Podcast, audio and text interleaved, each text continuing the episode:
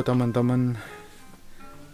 Kembali lagi Dengan sedikit jazzy background.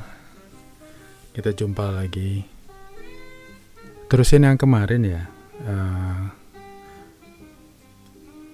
Model itu Pemakaian atau penerapannya bisa sangat beragam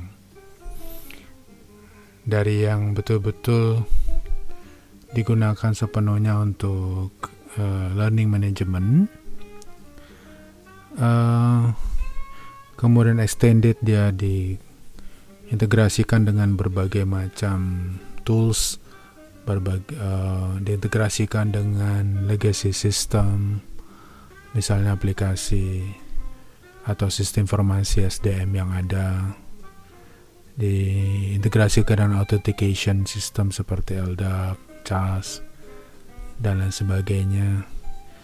Uh, ada juga yang malah mengkerut gitu, ya hanya digunakan sebagai repositori, atau juga ada yang hanya digunakan buat alat ujian berbasis komputer atau CBT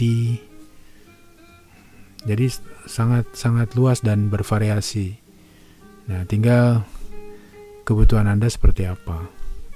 Itu yang perlu didefinisikan lebih clear. Jadi cara berpikirnya dibalik, jangan modal bisa apa, tetapi dibalik kita mau apa, lalu ada nggak di di model dan kawan-kawannya itu.